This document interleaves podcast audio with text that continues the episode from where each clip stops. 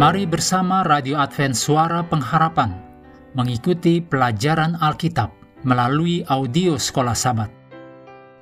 Selanjutnya kita masuk untuk pelajaran Jumat 2 Desember. Ini adalah bagian pendalaman. Mari kita mulai dengan doa singkat yang didasarkan dari Matius 10 ayat 28. Dan janganlah kamu takut kepada mereka yang dapat membunuh tubuh, tetapi yang tidak berkuasa membunuh jiwa. Takutlah terutama kepada Dia yang berkuasa membinasakan, baik jiwa maupun tubuh, di dalam neraka. Amin.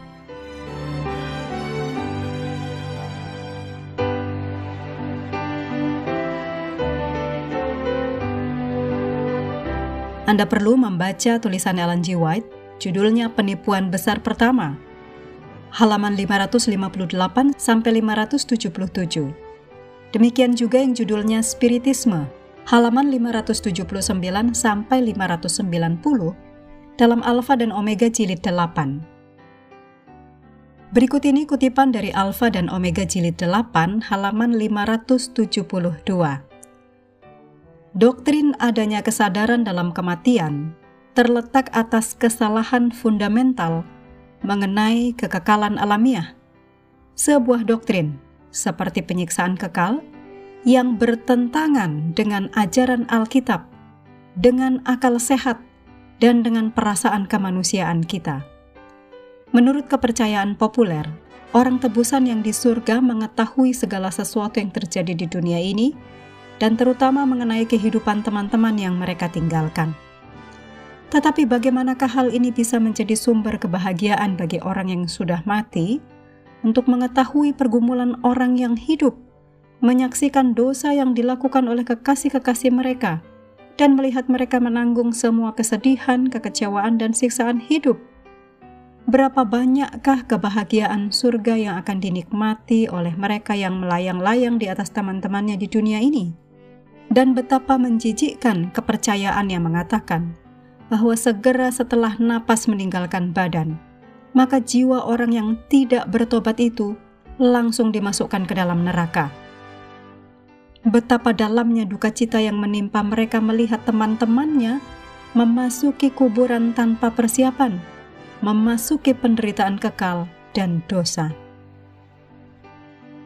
Berikut ini hal-hal untuk diskusi yang pertama, mereka yang telah berbicara dengan orang Kristen lain tentang keadaan orang mati dan sifat alami neraka, kemungkinan besar telah menemukan betapa yakin dan teguh pendirian orang-orang dalam kepercayaan mereka. Tidak hanya dalam pandangan bahwa orang yang diselamatkan segera pergi ke surga, tetapi bahkan orang yang tersesat berada dalam siksaan neraka yang kekal. Menurut Anda, mengapa demikian teguh pendirian orang-orang dalam kepercayaan mereka? Satu hal yang dapat dimengerti, mereka ingin percaya bahwa orang-orang yang mereka kasihi yang telah meninggal ada bersama Tuhan. Meskipun seperti yang telah kita lihat, masih ada pertanyaan tentang betapa menyedihkannya bagi mereka ini untuk melihat kekacauan di dunia ini. Dan ada keterikatan yang begitu kuat pada pandangan mengerikan bahwa orang yang tersesat sedang disiksa selamanya di neraka. Diskusikan bahwa fakta ini mengajarkan kepada kita tentang betapa kuatnya tradisi yang salah. Yang kedua, kebanyakan denominasi Kristen memberitakan teori yang tidak alkitabiah tentang kekekalan jiwa dengan semua teori yang berhubungan dengannya. Sebagai gereja, selain apa yang sudah kita lakukan, kita perlu tetap tekun mengabarkan kepada dunia pandangan Alkitab tentang kematian dan kehidupan setelah kematian.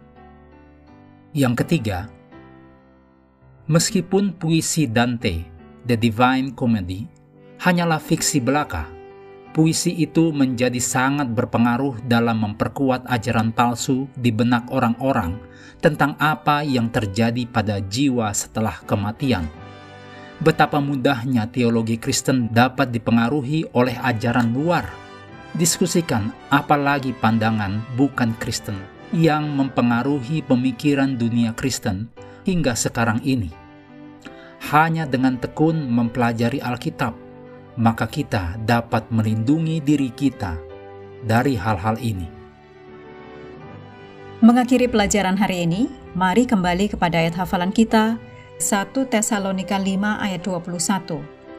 Ujilah segala sesuatu dan peganglah yang baik.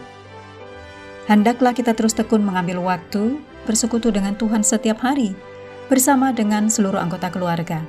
Baik melalui renungan harian, pelajaran sekolah sahabat, juga bacaan Alkitab sedunia percayalah kepada nabi-nabinya yang untuk hari ini melanjutkan dari dua Raja-Raja pasal 10. Tuhan memberkati kita semua.